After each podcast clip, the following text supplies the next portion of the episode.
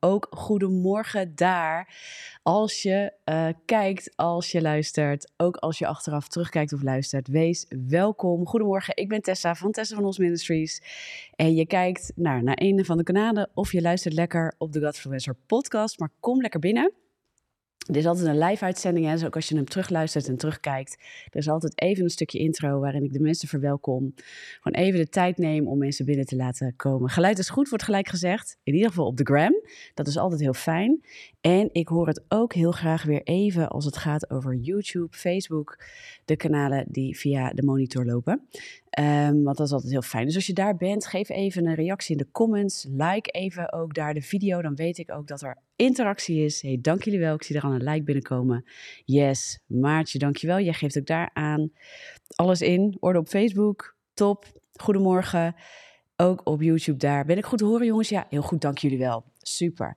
Maartje, ik ga je ook weer even als moderator toevoegen op... Uh, je zit al op YouTube erbij, maar je bent er ook nu, als het goed is, op Instagram bij. Zo, kijk, jullie stromen lekker binnen. Goedemorgen, prachtige mensen op alle kanalen. Heerlijk. Moderator vraagteken. Ja, Henry. dus we hebben moderators, hè? Inderdaad. Dus bij deze ja, dank jullie wel dat jullie weer lekker met mij de ochtend beginnen. Heerlijk is dat. Dan hoef ik het niet alleen te doen. Dat is ook leuk, hè? Dus uh, jullie denken dat jullie wat ontvangen deze ochtend elke keer op maandag. Maar ik ontvang daar ook wat uit. Namelijk dat ik lekker met jullie mag starten. En uh, mensen die vroegen mij van het weekend: doe je dit nou gewoon elke maandagochtend om 7 uur? Wat doe je jezelf aan? soms denk ik dat ook, maar heel vaak denk ik, yes, wat is het toch gaaf. En dan uh, is het voor mij ook wel eens vroeg. En ik had nu een pittig weekend in de goede zin van het woord, want ik had een, uh, een conferentie bij Royal Mission en het was echt geweldig. En ik, uh, ik had de eer om daar ook te mogen spreken op zaterdagmiddag. Maar we hebben gewoon, ik, ja, ik ben er dan, zeker als, als er in een conferentie wat gebouwd wordt, hè, als daar een bepaald thema is, waar je aan meebouwt op dat moment aan de dingen van God, dan probeer ik daar ook de hele conferentie te zijn. Dus niet als ik daar alleen maar spreek, maar ik wil heel graag de andere sprekers horen, uh, observeren, invoelen, wat is God aan het doen, zodat je ook daarop uh, kan, kan meebewegen. En dat is ook wel eens een uitdaging, wat God gaat dan ook wel eens uh, ja, bewegen hè, in zo'n in zo'n conferentie, waardoor de boodschap ook wel eens aangepast wordt, ook bij mij. En dat heb ik heel vaak, dat, dat je toch gaat intunen en aanpassen. En, maar dat is ook zoiets moois, want dan uiteindelijk gaat God zijn ding doen. En dat merkte ik ook bij Royal Mission. Dat zijn allemaal harten die gericht zijn op wat wil God doen. En daarin flowen zo'n heel weekend is echt hartstikke mooi, hartstikke fantastisch. En het was zo krachtig, zoveel mensen werden aangeraakt. Zoveel mensen die een ontmoeting hadden met God. Dat kon je echt merken, dat kon je zien. En dat vind ik dan zoiets prachtigs als dat gebeurt. En als God zijn kracht, zijn liefde vrijzet. En zijn visie uh, vrijzet uh, voor onze levens. En dat we daarin weer opgeladen verder mogen gaan. En het mooie van conferenties is dat het zo oplaat. Het nadeel is soms dat als we daar alles aan ophangen en niet zelf weer verder onze voeding gaan pakken, dat we, dan, dat we het dan ook wel weer eens kwijtraken. En, en ik hoop en ik weet dat een van de dingen om dit elke keer ook aan te blijven vuren, onder andere de maandagochtend prep en prayers zijn voor jullie. Dat je aangevuurd wordt en dat je, als je hem dus niet live kan bijwonen, uh, live in dit geval online, dat je hem gewoon later terug kan kijken en luisteren. Daar is dat ook voor. Dat er wekelijks iets is wat jou weer bemoedigt en aanvuurt. En uh, nou, op de benen houdt met God samen. Maar dat het je ook aanvuurt om je eigen relatie met God te bouwen, om daar aandacht aan te besteden, om het woord te lezen, om gefundeerd te worden in, het ware, in de waarheid, dat je de kracht van God ervaart in je leven. En dat kennen jullie van mij inmiddels als je allemaal me langer volgt. Ondanks alles wat het leven ongenuanceerd op je pad smijt, hè, dat je bekrachtigd bent en dat je met God daardoorheen mag wandelen en dat je weet dat hij altijd bij je is en dat hij jouw kracht is. Amen. Nou, dan zou ik al bijna weer kunnen stoppen. Dan ben je weer bemoedigd voor vandaag. Nou, zo kort zouden we het ook kunnen houden. Dat is voor de mensen die aan het werk moeten straks wel weer lekker, toch? Dus, maar jongens, kom lekker binnen zo. Of je bent lekker al binnen. En uh, wat we altijd zien is dat het een beetje roleert. Hè? Mensen die eerder weer eruit moeten en die later weer terugkijken. Of mensen die later aanhaken. Maar voel je welkom. En ik heb de titel, die staat er op Instagram nog niet bij jongens, maar die staat er volgens mij op YouTube al wel bij. Ik weet het eigenlijk niet waar die al wel bij staat nu. Uh, maar ben je nuchter of uh, ben je onder invloed? Dat is de titel van vandaag. Maar lukt het niet altijd om een goede titel, passende titel te vinden. En s ochtends denk ik, ja, waar ga ik het nou eigenlijk over hebben? Dat denk ik wel eens. Regelmatig denk ik dat. Dan heb ik dingen die in mijn systeem naar voren komen en dan weet ik wel een boodschap. Maar dan denk ik, ja, hoe ga ik dat nou in één zin samenvatten? Maar dit weekend wist ik al waar ik het over wilde hebben. Ik denk, ben je, ben je nuchter of ben je onder invloed? Kijk, hier wordt ook gezegd door Denise, ik zit al in de bus onderweg naar school. Wat een lekkere start van de dag, Denise. Dat je al onderweg bent en dat je dan, tenminste ik hoop dat het een lekkere start van de dag is, dat je mij mag eh, kijken en luisteren. En dat je in ieder geval door God bemoedigd wordt. Heerlijk. Dus waar je ook bent, waar je ook gaat, de vraag is vandaag: ben je nuchter of onder invloed? En dan heb ik het niet over onder invloed zijn van bijvoorbeeld zoiets als drank of drugs. Maar dat is wel de vergelijking die we kunnen maken als ik ga praten over waar ik vandaag over ga praten met je. En ik ga even kijken hoe ver ik de diepte inga. Dat is ook iets wat ik, uh, uh, wat ik deels uh, op mijn hart draag, weer als een boodschap. Wat, wat ook morgen spreek ik in Oldenbroek. Dames, als jullie daar zijn, we gaan hier ook dieper op in. Strijd in je denken, dat soort dingen. Maar waar ik, waar ik op uitkom eigenlijk elke keer, is dat de Bijbel heeft het over nuchter en waakzaam zijn. Amen. De Bijbel spreekt op meerdere plekken over nuchter en waakzaam zijn. Onder andere in 1 Thessalonicense 5 over nuchter en waakzaam zijn. Ik ga die tekst ook zo erbij pakken. En ik wil daar iets met je uithalen omdat uh, als we gaan kijken naar wat dat werkelijk betekent in de context van waar de Bijbel dat in noemt, en het, hè, de Bijbel vergelijkt het ook, hè, wees niet onder invloed van bijvoorbeeld hè, dat je, dat je uh, s'nachts uh, nog gaat lopen feesten en dronken bent en dat soort dingen. Dat, dat wordt eigenlijk wel als een soort vergelijk genoemd, maar het gaat over dat we geestelijk nuchter zijn. Dat we vanuit de geestelijke mensen dingen kunnen gaan beoordelen en niet vanuit de natuurlijke mens de geestelijke zaken blijven bekijken. Daar is iets heel wezenlijks. Maar vervolgens is het, zijn we geestelijk nuchter? Maar wat bedoelt de Bijbel daar nou mee? Waar hebben we het dan over? En dat vind ik zo'n interessant iets, want als het gaat over strijd die wij kunnen ervaren, en, en dat is heel vaak, daar komen ook heel vaak onze vragen uit voort. Hoe we daarmee om moeten gaan, hoe we daarnaar moeten kijken. Uh, hoe, we, hoe we daarin kunnen groeien. Uh, wat God daarin wil doen door ons leven heen. Hoe we daarvan los kunnen worstelen. Nou, al die vragen hebben we. Hè? En ook de bijkomstige vragen. Doe ik iets verkeerd? Zit er iets tussen mij en God in? Dat is heel vaak een vraag die we hebben. Uh, waarom lukken dingen niet? Waarom hou ik hier zo'n last van? Waarom nou, waarom, waarom, waarom? Heel veel waarom vragen. En ik heb wel eens gehoord dat mensen zeiden, ja, je mag geen waarom vragen stellen aan God. Maar dat is niet wat ik heb geleerd. Volgens mij mag je alle vragen stellen aan God. De vraag is, stellen wij de juiste vragen aan God? Uh, ook als wij denken dat we geen antwoord krijgen van God, is het best wel eens goed om te gaan reflecteren. Wat voor vragen stellen wij aan God? Maar wat heeft God ook in zijn woord al neergelegd voor ons om die vragen te beantwoorden wellicht? En vragen we soms naar de bekende weg. Of zijn onze vragen wellicht wel een beetje corrupt, omdat we antwoorden willen afdwingen, um, die God misschien op die manier helemaal niet wil geven. En dit is misschien een scherp woord, maar dat is wel iets waar we echt naar mogen kijken.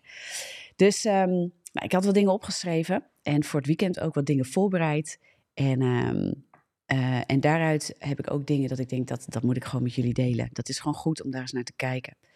En van het weekend had ik het over kennis en kracht kennis en kracht. Ik geloof in de kracht van God.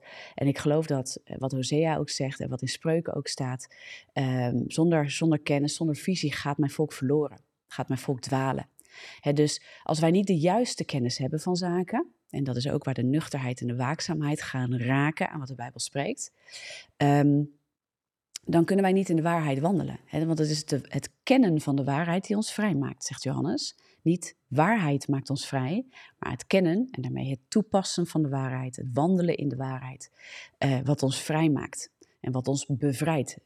En um, dat willen we ook. We willen vrijkomen van leugens, vrijkomen van dingen die ons beïnvloeden, waar we onder van invloed zijn, onder beïnvloed worden. Dus daarom de vraag, ben je onder invloed? Zo ja, waaronder ben je? Onder welke invloed ben je? En uh, dus de juiste kennis, in ons leven kennen, toepassen, leven, doorleven, in de waarheid wandelen. Dus wandelen gaat vaak over in beweging zijn met de waarheid, met de, met waarheid bezig zijn in je leven, dat toepassen in je leven. Daarom willen we ook dat waarheid toepasbaar wordt, dat het praktisch wordt in ons leven. Amen. Dus we kunnen heel veel waarheid horen, maar als we er niks mee kunnen, dan gaan we ons ook heel erg, uh, ja, gaan we ons nog een beetje verloren voelen. Dus de juiste kennis, dus dat is één wat ik gewoon even mee wil geven. De juiste kennis is van belang. Maar verkeerde kennis van zaken, en dan kom je ook in Colossense 2 vers 8 bijvoorbeeld, En laat u niet meeslepen door de filosofieën en inhoudsloze verleidingen, ik zou het ook kunnen vertalen met misleidingen, van de wereld waar Christus niet in is. Dus verkeerde kennis, dingen waar wij onder zijn gekomen, wat we hebben aangenomen als waarheid, wat, wat leiding heeft in ons leven, waar ergens overtuigingen zijn ontstaan, wat daar ook de oorzaak en de grond van is, maar wat wij hebben aangenomen uh, voor, voor waar in ons leven. Uh, dat zijn dingen waar we onder invloed van zijn gekomen in ons denken, in ons systeem, in hoe wij de wereld zien, in ons godsbeeld, in ons zelfbeeld. Al die dingen die invloed daarop hebben en die niet uit God zijn, dat is eigenlijk kennis die zich verheft tegen God. Dan kom je ook op 2 Colossense 10 vers 4 en 5. Dat is een kennis waar we ons niet door mee moeten laten slepen, zegt Colossense 2 vers 8. Maartje, dankjewel. Jij zet het er ook in, Colossense 2 vers 8. Ja, het gaat over kennis waar we ons niet door mee moeten laten slepen. En 2 Korinthe 10 vers 4 en 5. Zij die vaker luisteren en kijken naar mijn content, die horen die tekst ook regelmatig. 2 Korinthe 10 vers 4, volgens mij zeg ik het nou door elkaar. 2 Korinthe 10 vers 4 en 5. Dus Colossense 2 vers 8. Laat je niet meeslepen door de filosofieën. En 2 Korinthe 10, 10 vers 4 en 5. Kennis die zich verheft tegen God. Heel interessant. Ja, dus de kennis die zich verheft tegen God, die moeten we neerhalen. Redenaties, dus manieren van denken, vaak door bepaalde denkkaders, filosofieën, ideeën, die, die ons zijn aangeleerd, die we hebben aangenomen, die zich verheffen tegen God. Die moeten we neerhalen. Dus daar hebben wij een taak in om dat te gaan herkennen. Punt 1, want als je iets niet herkent, dan kun je het ook niet erkennen. dus we moeten herkennen, dit is niet van God. Erkennen, dit is ook niet van God. Want je kunt zeggen, ja, maar ik, vind het toch wel fijn uh, om hierin te wandelen. Kunnen jullie wel zeggen, dat is niet van God, maar ik wil toch wel gewoon daarin wandelen. Dus dan erken je niet dat het een ding is in je leven. En dan blijf je het toch aannemen als een waarheid. dus het erkennen gaat ook gepaard met, ik neem er afstand van. Ik haal het neer dus afstand nemen, je bekeren van zaken. Daarom vind ik bekeren zo'n prettig woord van, het, van de Bijbel. Want de Bijbel leert ons dat door bekering is het mogelijk om los te komen van zonde. Om los te komen van leugens. En om daar afstand van te doen, ons daarvan weg te keren.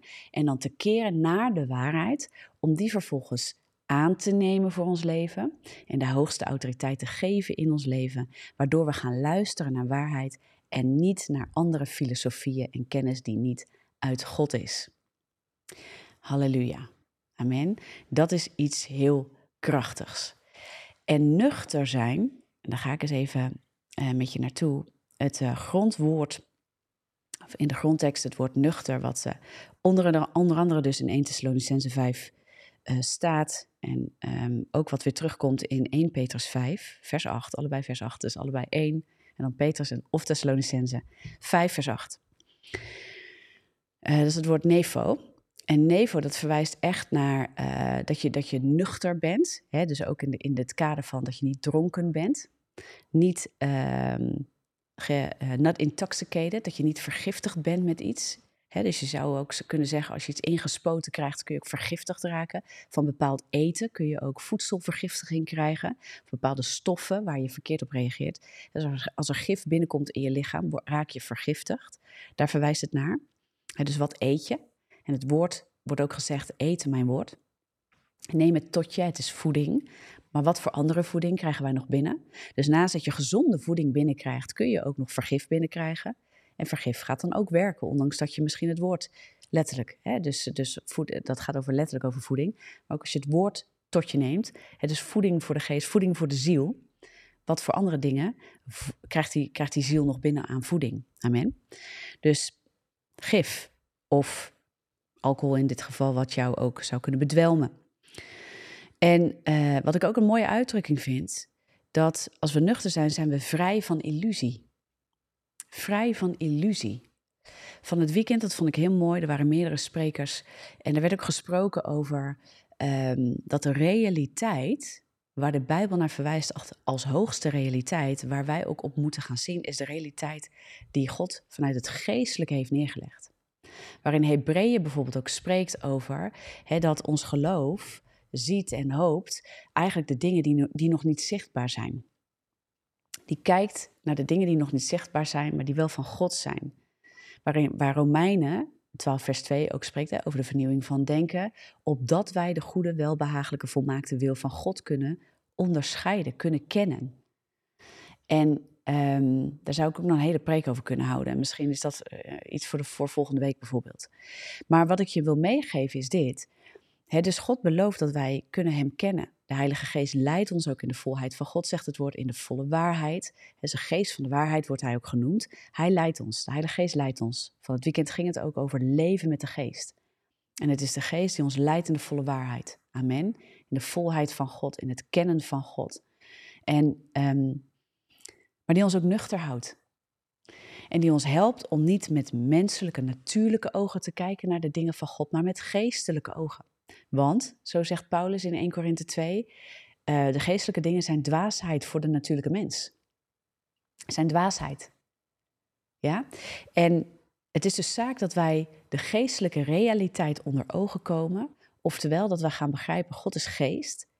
En het geestelijke staat boven het natuurlijke. Dat heeft een hogere autoriteit, een hoger orde dan onze natuurlijke wereld. Wij mensen zijn heel erg getraind in het natuurlijke. Amen. We zijn heel erg getraind met onze zintuigen om het natuurlijke waar te nemen. Velen van ons zijn niet zo getraind in het geestelijke waarnemen. En toch vraagt God om niet vanuit de natuurlijke mens Hem en het woord van God te blijven benaderen, maar vanuit de geestelijke mens te gaan kijken. Dus als je Christus hebt aangenomen, ben je een nieuwe schepping, heb je de geest van God in je gekregen, dan zegt het woord van God, je geest is vernieuwd, je bent een nieuwe schepping. In Christus ben je geplaatst aan de rechterhand van God in, God in hemelse gewesten, in Christus. Maar je ziel, en je aardpak, je lijf, die, uh, die zitten nog hier. Die zijn nog op deze aarde. Die zijn niet meer van deze aarde, niet meer van deze wereld. Ja, of niet meer van de, denken van deze wereld, kan ik misschien beter zeggen. Maar um, we zijn nog wel in deze wereld, op deze En we zijn in die zin nog in deze wereld dat we beseffen, het denken van deze wereld, de overste van deze wereld, de duisternis, heeft nog invloed die die uit probeert te oefenen in de wereld waar we zijn. En ook in het natuurlijke waar we zijn. En God vraagt ons toch te kijken vanuit eigenlijk hemels perspectief, want wij, onze geest, is gezeten in Christus aan de rechterhand van God in de hemelse gewesten. Dit is waar onze identiteit is en wordt bepaald door God en ook onze autoriteit. En hoe wij dus vanuit de liefde van God en de gegeven autoriteit van God kijken naar de dingen in de wereld en daarin gaan staan in wat Hij ons gegeven heeft en hoe Hij ons bedoeld heeft. Amen. En dat is denk ik ongelooflijk krachtig als we gaan beseffen wie we werkelijk zijn in Christus. En heel lang kon ik niks met die term. Die identiteit in Christus moet je maar gewoon in gaan staan. Maar dat zei mij niet zoveel. Want, net als jij, net als u, worstelde ik ook nog steeds met dingen van de wereld, met strijd in mijn denken, met gevoelens en gedachten waarvan ik dacht, ja, dat is nou niet in één keer veranderd nu ik christen ben. Hè? Dat is niet anders. Dat heb ik nog steeds last van. En dat mogen we ook erkennen. Want dat is ook wat 1 Petrus 5 vers 8 zegt. Ik ga die tekst er even bij pakken. Even opzoeken, jongens. Ik heb hem hier eh, voor me. 1 Petrus 5, vers 8 en 9. Dus er staat ook, wees nuchter en waakzaam. En dan staat er het volgende, want uw tegenpartij, de duivel, gaat er rond als een brullende leeuw op zoek naar wie hij zou kunnen verslinden. Bied weerstand aan hem. Dit wordt gezegd tegen de christenen, hè? tegen jou en mij. Ja, tegen de broeders en de zusters. Zij die in Christus zijn. Dus er wordt gewoon gezegd, wees nuchter en waakzaam. Tegen wie? Tegen de christen. Tegen zij die Jezus kennen. Met hem wandelen. Dus even de context. Tegen wie wordt dit gezegd? Tegen ons. Wees nuchter en waakzaam. Er wordt dus iets gevraagd van ons. Er wordt aan ons gevraagd om nuchter en waakzaam te zijn. Want uw tegenpartij. Wij hebben dus een tegenpartij. De duivel. Ah, dat is duidelijk. Wie is de? De duivel. Gaat rond als een brullende leeuw op zoek naar wie hij zou kunnen verslinden. Laat me dit zeggen. Op het moment dat er misleiding, verleiding komt, als je in dingen valt, als je toch nog wordt meegesleept in zaken, als je toch misschien nog um, ervaart van hé, hey, ik ben in Christus vrij van zonde, maar zo voelt het niet, ik heb het toch weer een fout gemaakt. Weet dan in Christus, jouw geest is vrij. Er is niemand meer die jouw geest veroordeelt, want we zijn in Hem. Dat is wat ook in 1 Korinthe 2 staat. Er is niemand meer die, die, die onze geest veroordeelt. Ja? Maar onze ziel, die heeft nog te dealen met dingen. Daar zijn waar de haakjes nog zitten. Die kan nog misleid en verleid worden. Die moet ook zijn denken vernieuwen. Die moet ook in de geest nuchter en waakzaam zijn. Die heeft op deze aarde nog te strijden met al die gedachten en emoties. Ja, dus die moet vernieuwd worden. Die heeft dat natuurlijke allemaal aangeleerd. Daar zijn alle trauma's in blijven hangen. Alle kwetsingen, alle moeilijkheden, alles, alles wat niet uit God is en wat op ons is geplaatst door een tegenpartij die, die alles uitwerkt met een strategie om jou tegen te houden in de dingen van God te wandelen hier op aarde. Ja, dus op het moment als jij christen bent en je bent gezekerd in je eeuwige leven in Christus, je bent door Hem, niet door jezelf, je bent door Hem gerechtvaardigd en geheiligd, in Hem, ja, dan, dan is dat dus de nieuwe schepping. Daar kan hij niet aankomen. Waar, waar, waar de duivel wel probeert aan te komen, is alles dan te belemmeren hier op aarde. Zolang dat lukt. Hij probeert invloed uit te oefenen op jou en mij. dus als een, als een brullende leeuw gaat hij rond op zoek naar wie je zou kunnen verslinden. Als je hier helemaal naar beneden kan halen en helemaal vast kan zetten, dat is zijn doel. Dan staat er in vers 9, biedt weerstand aan hem, vast in het geloof. In het geloof vaststaan. Waar, wat is dat vast in het geloof? Dat is staan op wat God zegt. Staan op Gods waarheid. Staan, oftewel vasthouden en dat aannemen als alles anders voelt. Als gedachten worden getorpedeerd in je hoofd. Van weerstand, van narigheid, van weet ik veel wat, wat je voor gedachten kunt krijgen. Vaststaan in het geloof. Bied weerstand aan hem. Jacobus zegt het ook, hè? richt u op God. Bied weerstand aan de vijand en hij zal van u vluchten. Maar hier staat vast in het geloof, in de wetenschap dat hetzelfde lijden ook aan al uw broeders in de wereld opgelegd wordt. Weet nou als christen, staat hier, dat je een vijand hebt die zolang je hier op aarde bent erop uit is om je neer te willen halen. Punt. We moeten hem niet groot gaan maken, want hij die in jou is, is groter dan hij die in de wereld is. Amen. En Christus heeft de machten en de krachten reeds ontrood. Wij zijn in Christus. Hij heeft als hoofd zijn macht en kracht gedelegeerd aan de gemeente, Efeze 1. Dat ga ik er even bij pakken. Ik denk dat ik die er even bij ga pakken, want dat is echt een hele krachtige tekst.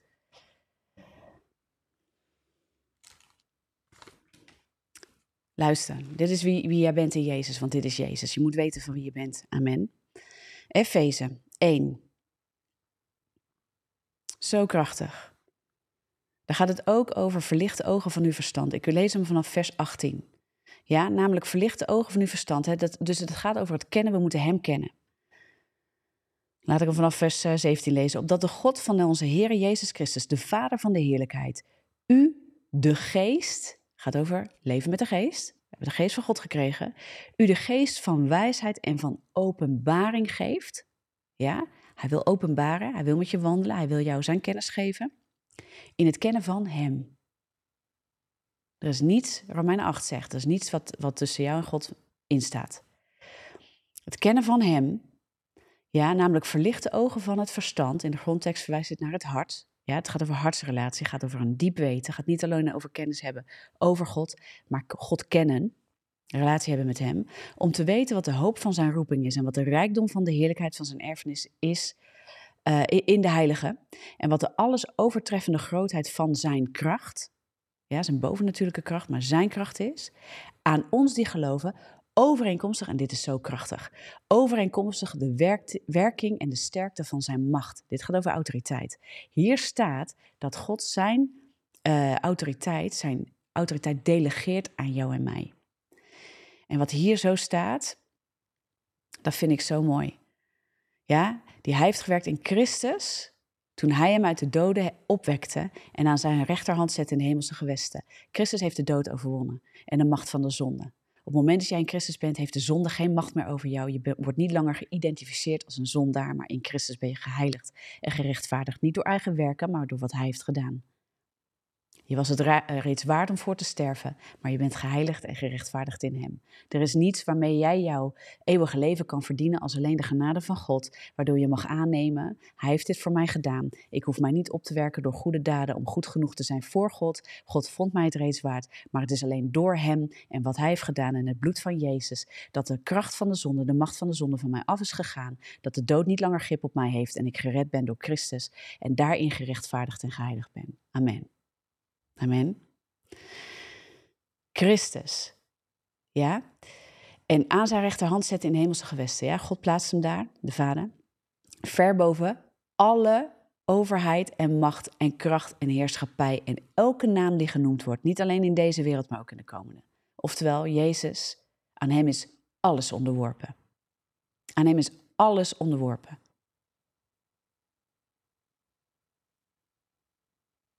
En in hem ben jij. En hij is in jou. En dan komt dit. En hij heeft alle dingen aan zijn voeten onderworpen. En hij, of en heeft hem als hoofd over alle dingen gegeven aan de gemeente. Dat zijn wij. Die zijn lichaam is. En de vervulling van hem die alles in allen vervult. Wij zijn geroepen om zijn werk voor te zetten. Hier op aarde. In liefde en kracht. Bouw uw geloof niet op de wijsheid van mensen, maar laat uw geloof bouwen in de kracht van God. 1 Korinthe 2, vers 4 en 5, als ik me niet vergis. Je krijgt heel veel teksten naar je toe vanochtend. Schrijf ze op, luister het terug. Ik hoop dat uh, Maartje, ik hoop dat het om bij te houden. Maartje hier ook Efeze 1, vers 17 tot en met 20. Amen. En lezen maar tot en met 23. Die zijn lichaam is en de vervulling van hem die alles in allen vervult. En die tekst zegt ook, wij zijn door zijn macht door gedelegeerde macht hebben wij kracht gekregen om te doen hier op aarde en te vervullen wat Hij is gestart. Waar Hij voor gestorven is. Om te brengen het evangelie en dat te brengen met kracht. Maar ook om te onderscheiden wat goed is, wat leven geeft van dat wat duisternis is en dood brengt. En ook dood wil spreken in onze gedachten. En velen van ons, wij moeten nuchter en waakzaam worden. En nu kom ik op het punt wat ik vandaag duidelijk wil maken. Heel veel van onze gedachten en emoties zijn vergiftigd door duisternis. Zijn vergiftigd door wat jou in het leven is overkomen. Worden vergiftigd, ook bij christenen die met Jezus wandelen. Inclusief moi, als ik, me, als ik dat die ruimte geef. Ja, als wij gedachten aannemen die niet uit God zijn. En we nemen ze aan en we gaan erover nadenken en we gaan het overwegen, dan ontstaat er invloed van de duisternis in ons. We kregen van het weekend de vraag: kan een uh, christen um, ja, bezet zijn door demonen? Dat is misschien iets waar ik eens even op in moet duiken, ook hier in een, uh, misschien niet in een live, maar net als profetieën waar we een verdieping op gaan geven, ook dat soort dingen. Um, we zijn, eh, als je, als je christen bent, laat ik er heel even kort over zijn. Als je christen bent, dan is er één geest die jou bezet en dat is de Heilige Geest. Amen. Maar je hebt een ziel, dat heb ik net gezegd. Dus jouw geest is vrij, dus nieuwe schepping is vrij, daar kan de duivel niet aankomen. Maar jouw ziel, die heeft nog vlees af te leggen, die heeft, moet zeggen, blijven heiligen, bekeren van zaken, dagelijks, dag in dag uit, zijn vlees kruisigen. Ja, en daar probeert de duivel haakjes neer te leggen en ons te binden door leugens aan te nemen, door toch in zonde te blijven wandelen misschien, hè, daar nog niet van vrij te komen, denken we, we zijn officieel vrij. Maar als we nog naar onze gedachten en emoties en de misleidingen luisteren en we laten het haakje inhaken en we gaan mee in die misleiding, dan zijn we intoxic intoxinated, wou ik zeggen. Ik, ik, hoop dat ik het goed uitspreek. Alles gaat door elkaar, dan komt er in één keer een Engels woord. Ja, maar dan zijn we vergiftigd. Dan laten we ons vergiftigen en dan kunnen wij gebonden raken. En dan heeft demonie, heeft invloed op de christen. Amen. Wij leven in deze wereld. Wij zijn niet vrij van de aanvallen. Dat hebben we net gelezen. Weet in de wetenschap dat we allemaal een vijand hebben die gewoon elke dag probeert om een aanval in te zetten. Moeten we er bang van zijn? Nee, want wij zijn in Christus en wij zijn meer dan overwinnaar door Hem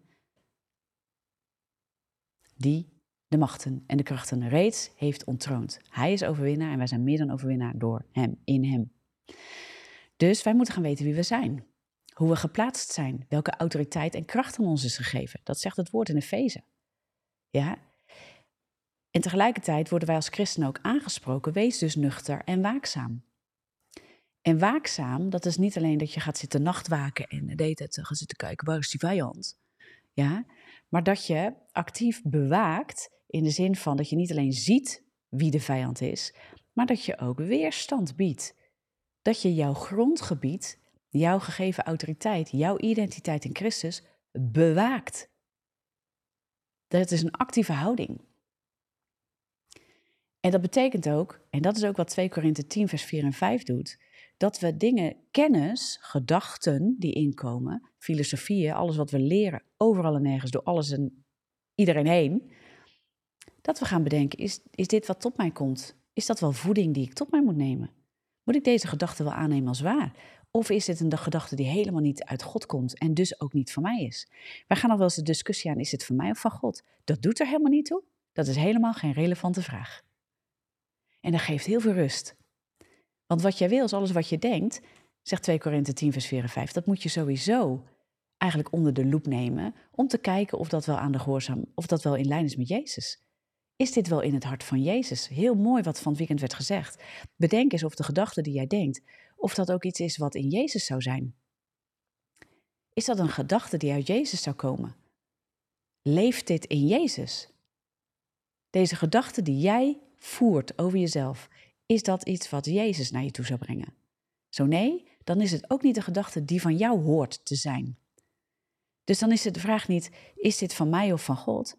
Dan is de vraag is, wil ik dat deze gedachte van mij is? Want als die niet van God is, moet het helemaal mijn gedachte niet zijn.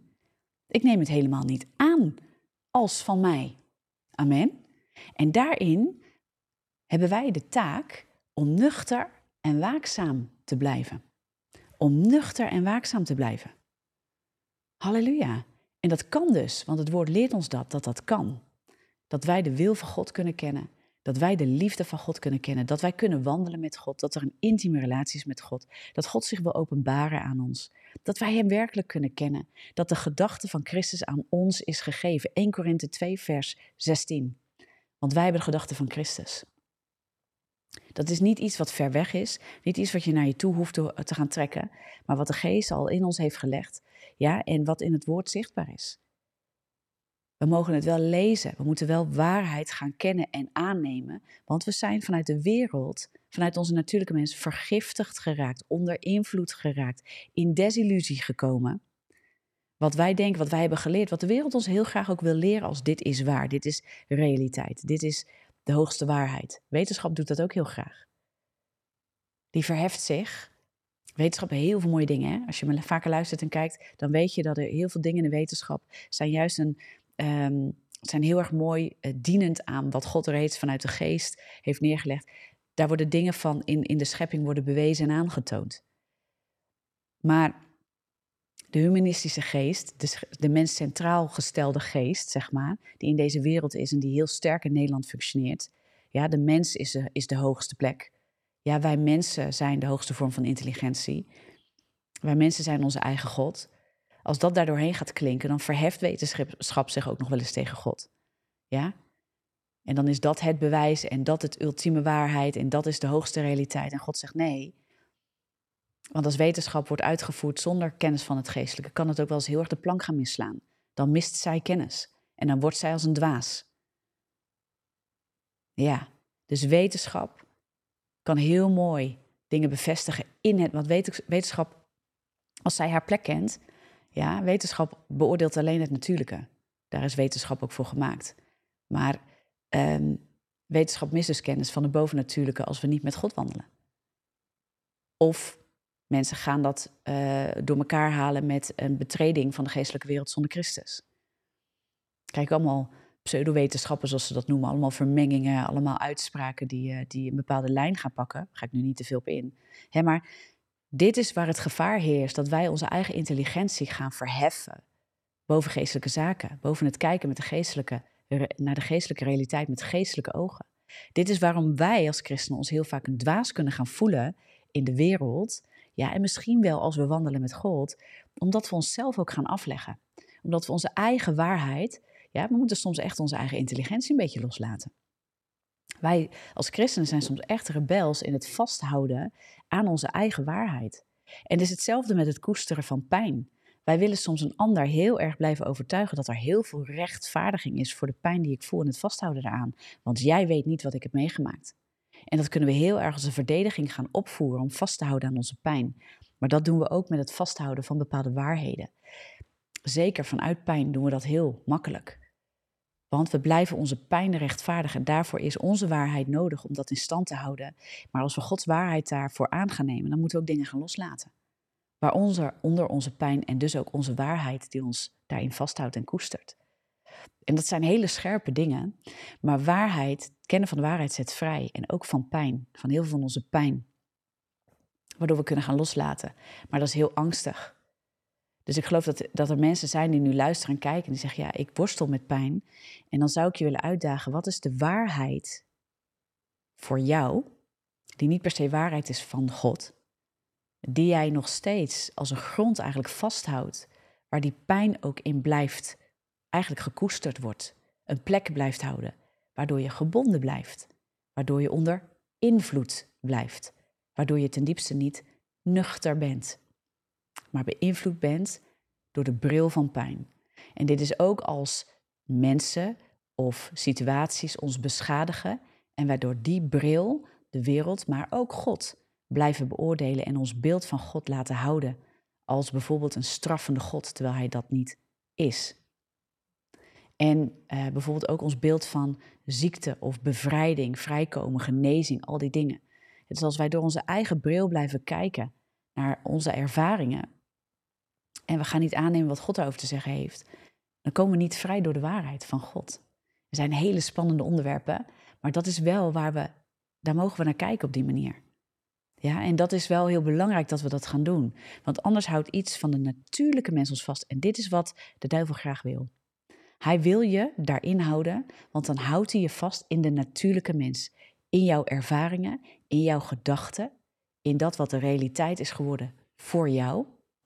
Ja, daar waar je het voor jezelf hebt getoetst. Want ja, elke ervaring heeft jou geleerd dat dat gewoon elke keer zo is. Dus dat is jouw waarheid geworden. En ergens is dat ook, heeft dat legitieme grond gekregen bij jou. Als je elke keer iets hebt meegemaakt en elke keer er kwam er eenzelfde uitkomst uit, dan wordt dat een soort bewijs. Maar toch als God zegt, maar toch bij mij werkt het zo, moet je dus iets gaan aannemen van God over de opgebouwde waarheid en bewijsmateriaal in jouw leven. En dit is daar, daarom is dit waar we vaak de gevechten gaan krijgen, omdat dit is waar de duivel ons op richt. Op onze ervaring, op onze pijn, op dat wat we hebben meegemaakt. Want als hij ons daarin kan vasthouden, ehm, dan laten we het niet los. En dan kan de waarheid van God ons niet vrijmaken.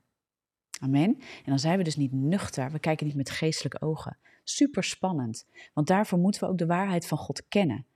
Want anders gaan we in het luchtledige iets bouwen, dan worden het luchtkastelen. Dan worden het en, dat, waarschuw ik ook wel eens voor. als we dingen gaan proclameren heel hard, maar we bouwen het niet met ons hart.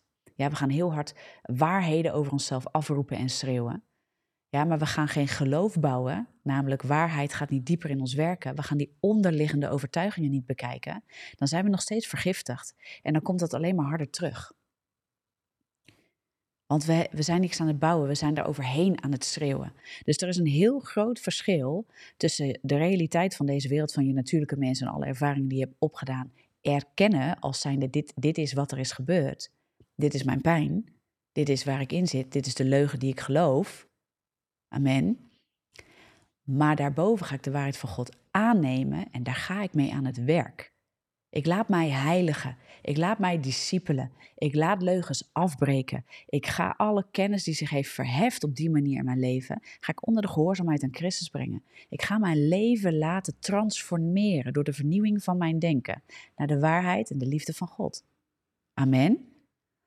En dat is het hele proces. Je geest is een nieuwe schepping, maar vanuit de geest is de bedoeling dat wij geleid gaan worden.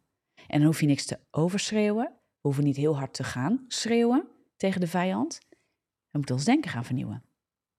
En daaruit gaan we weerstand bieden aan leugens, aan misleiding, verleiding, aan inhoudsloze verleidingen en filosofieën uit de wereld die niet uit God zijn. Daarmee gaan we bolwerken afbreken en worden we nuchter.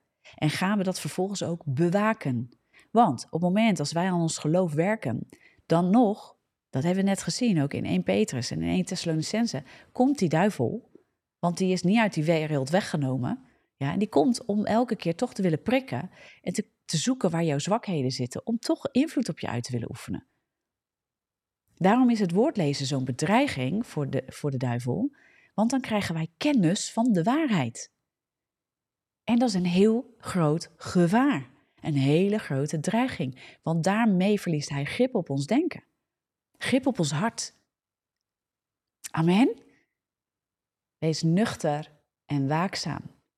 Wij moeten weer kennis krijgen van, van hoe de natuurlijke wereld is, eigenlijk is, is ondergeschikt aan de geestelijke wereld. Ik geloof dat we echt in een eh, positie zijn, in Nederland ook, waarbij dat veel meer, ook in kerken, in allerlei verschillende denominaties zie ik, dat er echt weer kennis terugkomt van de geestelijke wereld. Omdat we weten, God is geest en er is een geestelijke orde. De Bijbel spreekt daarover. Als we het over een wapenrusting hebben, Efeze 6, gaat het over geestelijk. We hebben niet te vechten tegen vlees en bloed, maar tegen overheden, machten, wereldbeheersers van de duister van deze wereld. Weet je, dat is en heersers in de lucht. Weet je, dat zijn, dat zijn lagen in de hemelse gewesten, om het zo maar te noemen.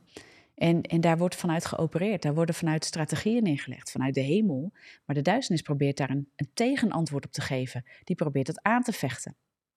En de plek die hij nog heeft bij christenen, ja, dus dat is namelijk geen macht en autoriteit meer over christenen. Maar hij probeert invloed uit te oefenen op ons denken. Hij probeert ons natuurlijke mens te grijpen en daar de haken in te zetten en ons daar te binden.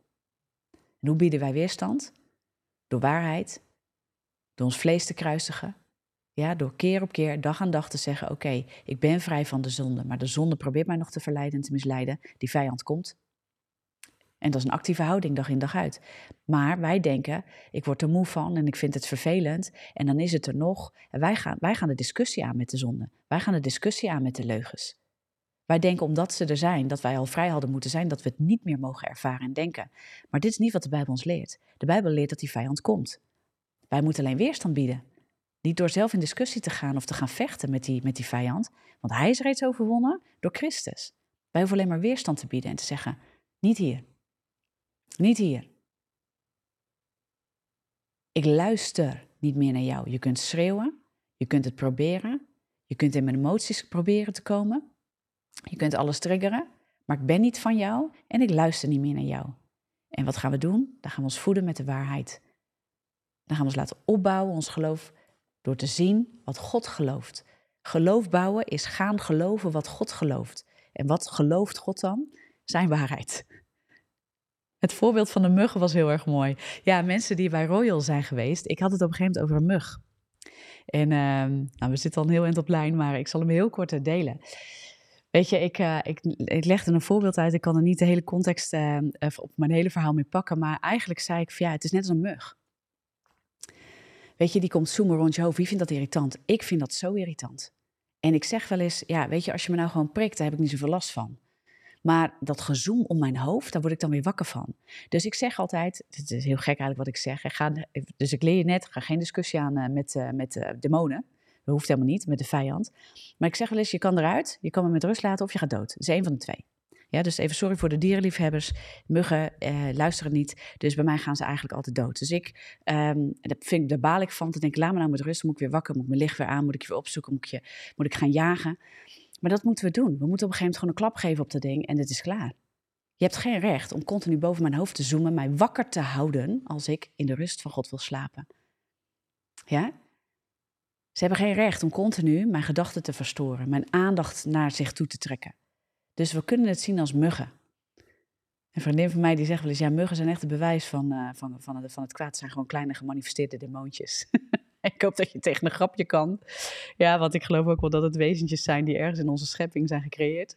Maar ze zijn verrekte irritant en ik moest zo lachen om die uitdrukking. En ik zeg, ja, weet je, ik behandel ze eigenlijk wel zo. Want ik, ik, het is gewoon erop of de ronde. Je gaat weg van mij of je gaat dood. En, um, en maar zo kunnen we er wel, dat, wordt, dat maakt het praktisch. Ja, dit is om het praktisch te maken. Van wij als christen moeten echt gaan weten wie we zijn. We hoeven dat gezoem in ons hoofd niet te na te nestelen. Ja, wij hoeven die mug niet toe te staan dat hij uiteindelijk gaat prikken. Want ik zeg dan wel, ja, dat je me prikt is niet zo erg. Maar heel eerlijk, eigenlijk is het wel erg. Want ze stelen iets van je, namelijk je bloed. En dit is wat demonen doen. Ze stelen je rust. Ze stelen je vrede. Ze stelen je vrijheid. De vrede van God is niet te stelen, ja, maar mentaal proberen ze je in onrust te krijgen. Ja, dus de vrede van God is er altijd, die kunnen ze niet stelen, want die is in God. Maar ze kunnen je wel stelen om, om daarin te komen, zeg maar. Om dat idee te hebben van dat je daarin bent. En in de vrijheid, om te wandelen in je roeping, om te, om te wandelen in de liefde van Christus, om te wandelen in je identiteit. Dat willen ze allemaal stelen. Dus die mug is echt een goed voorbeeld, vond ik zelf. en hij is heel erg gewaardeerd, dus echt geweldig. De genadeklap uh, van het boek van Arie Rover. Ja, ik weet niet helemaal waar daarmee naar uh, verwezen wordt, maar er zijn heel veel van die praktische verwijzingen die we als sprekers denk ik ook regelmatig geven. Of die we zelf kunnen, kunnen bedenken. Als het gaat over hoe we, hoe we ons leven leven en in het leven van alle dag. Eigenlijk die vergelijking kunnen maken, zoals Jezus ook vergelijkingen maakte. Hè, gelijkenissen gaf. Nou ja, noem dit maar de gelijkenis van de mug. Ik weet niet of je hem zo mag stellen. Uh, maar die je inderdaad een klap mag geven. Die je niet hoeft toe te staan. En dat is wat 2 Korinthe 10 vers 4 en 5 ons leert. Breng het onder de gehoorzaamheid aan Christus. En als het daar niet is, dan moet het weg van ons. Die mug die moet weg. En in dit geval, ja, als hij niet luistert, dan gaat hij dood bij mij. Ik sta niet toe dat hij mijn nachtrust blijft verstoren. En dat moeten we niet toestaan met deze. En we weten dat ze komen. Weet je, want als ik één mug heb, uh, heb neergeslagen, dan komt de volgende een andere keer. Amen. Ja, niet amen in de zin van ja, maar het is wel zeker en vast dat ze dan proberen te komen. Niet in de amen van goed van fijn hè, dat die muggen komen. Maar zeker en vast, we dat, dat, dat weten we. In de wetenschap dat hetzelfde lijden aan al uw broeders opgelegd wordt. Muggen. Maar kunnen we er ook zo naar kijken? Laat ons niet uh, de waakzaamheid verliezen van onze eigen autoriteit en identiteit in Christus. We moeten dat bewaken. En dat betekent ook dat we kennis hebben van wie we zijn, maar dat we dat ook hanteren. Naar de duivel toe, naar de vijand toe, naar demonen toe, naar muggen. Wij hebben de autoriteit. Gedelegeerd van het hoofd naar het lichaam. Amen. Laat me zo met je bidden. We hebben een hele lange vandaag. Ik dacht dat ik hem weer wat korter ging houden, maar nou ja, je ziet, dat lukt mij nooit. Hè? Dat is ook een illusie. dat is een illusie. Horen zijn Bijbelkennis en gebed, ja, amen. ja, precies. Amen. zo hebben we ook van de Heer mooie wijsheid en inzichten gekregen om er praktisch wat tegen te doen. Horen. Ik, uh, dat is om het nog lekker langer te maken. Maar ik heb in Curaçao gewoond. Daar heb je hele vervelende muggen. En weet je wat ik een keer observeerde in de nacht? Daar had ik zo'n klamboe. En een klamboe die gaat, uh, die gaat dicht. Hè? Dat sluit over elkaar. Dat doe je dicht bij je bed. En uh, ik had nog steeds last van muggen. En ik deed het licht op een gegeven moment aan. En er zat een mug toevallig bij daar waar de klamboe over elkaar heen sluit. En die mug, zo slim zijn ze, die was eigenlijk waar dat over elkaar heen gaat. Daar was hij op die lijn, daar zocht hij de opening en daar was hij zich tussendoor aan het vroeten. En ik dacht, wauw, die zijn heftig, die muggen. Die, die weten op een gegeven moment gewoon dat er ergens in die klamboe blijkbaar dus een opening is en waar het over elkaar valt, waar zij doorheen kunnen kruipen. Ik wist niet wat ik meemaakte, dus ik heb dat ding in elkaar gerold en toen ging dat niet meer. Maar zo zijn demonen ook. Zij zoeken je zwakheden. En zij zoeken en blijven zoeken. En daar gaan zij proberen de haak te leggen.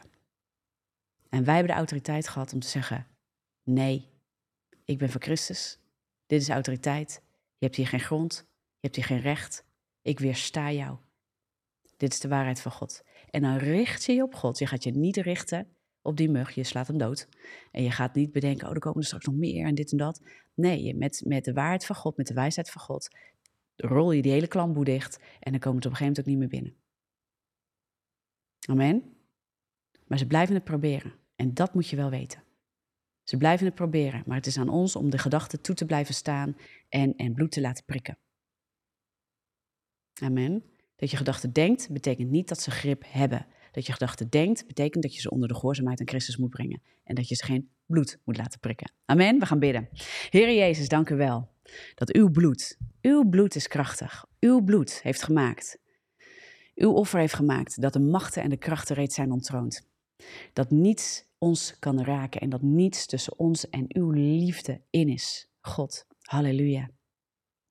Maar dat we ook in de wetenschap mogen zijn dat we nog in deze wereld zijn. Maar dat we in deze wereld is ons een ongelofelijke kracht en autoriteit gegeven. Door wat u heeft gedaan, Heer Jezus. U bent het hoofd en we hebben uw geest gekregen. We zijn bekrachtigd, we zijn gezeteld in u. En we zijn bekleed met uw gedelegeerde autoriteit. We hebben kracht gekregen om die uit te oefenen in deze wereld. En weerstand te bieden aan dat wat zich verheft tegen uw kennis. Want alles wat kennis is, wat niet uit u is en zich verheft, we halen het neer vandaag. Dank u wel dat u openbaring geeft. Efeze 1 ook schrijft aan ons, dat daar ook wordt neergelegd dat u een God, dat u een geest van openbaring bent in het kennen van u. Dat wij niet door deze wereld hoeven te gaan als kinderen van God die u niet kennen. Of die uh, onwetend blijven of in het ongewisse blijven betreffende u. U belooft dat wij niet in het ongewisse en in het onwetende blijven betreffende u. Dat u ons alles van uzelf wilt openbaren, zodat wij weten wie u bent en wij daardoor ook weten wie wij zijn in u. Want wij kennen u en daardoor kennen wij onszelf.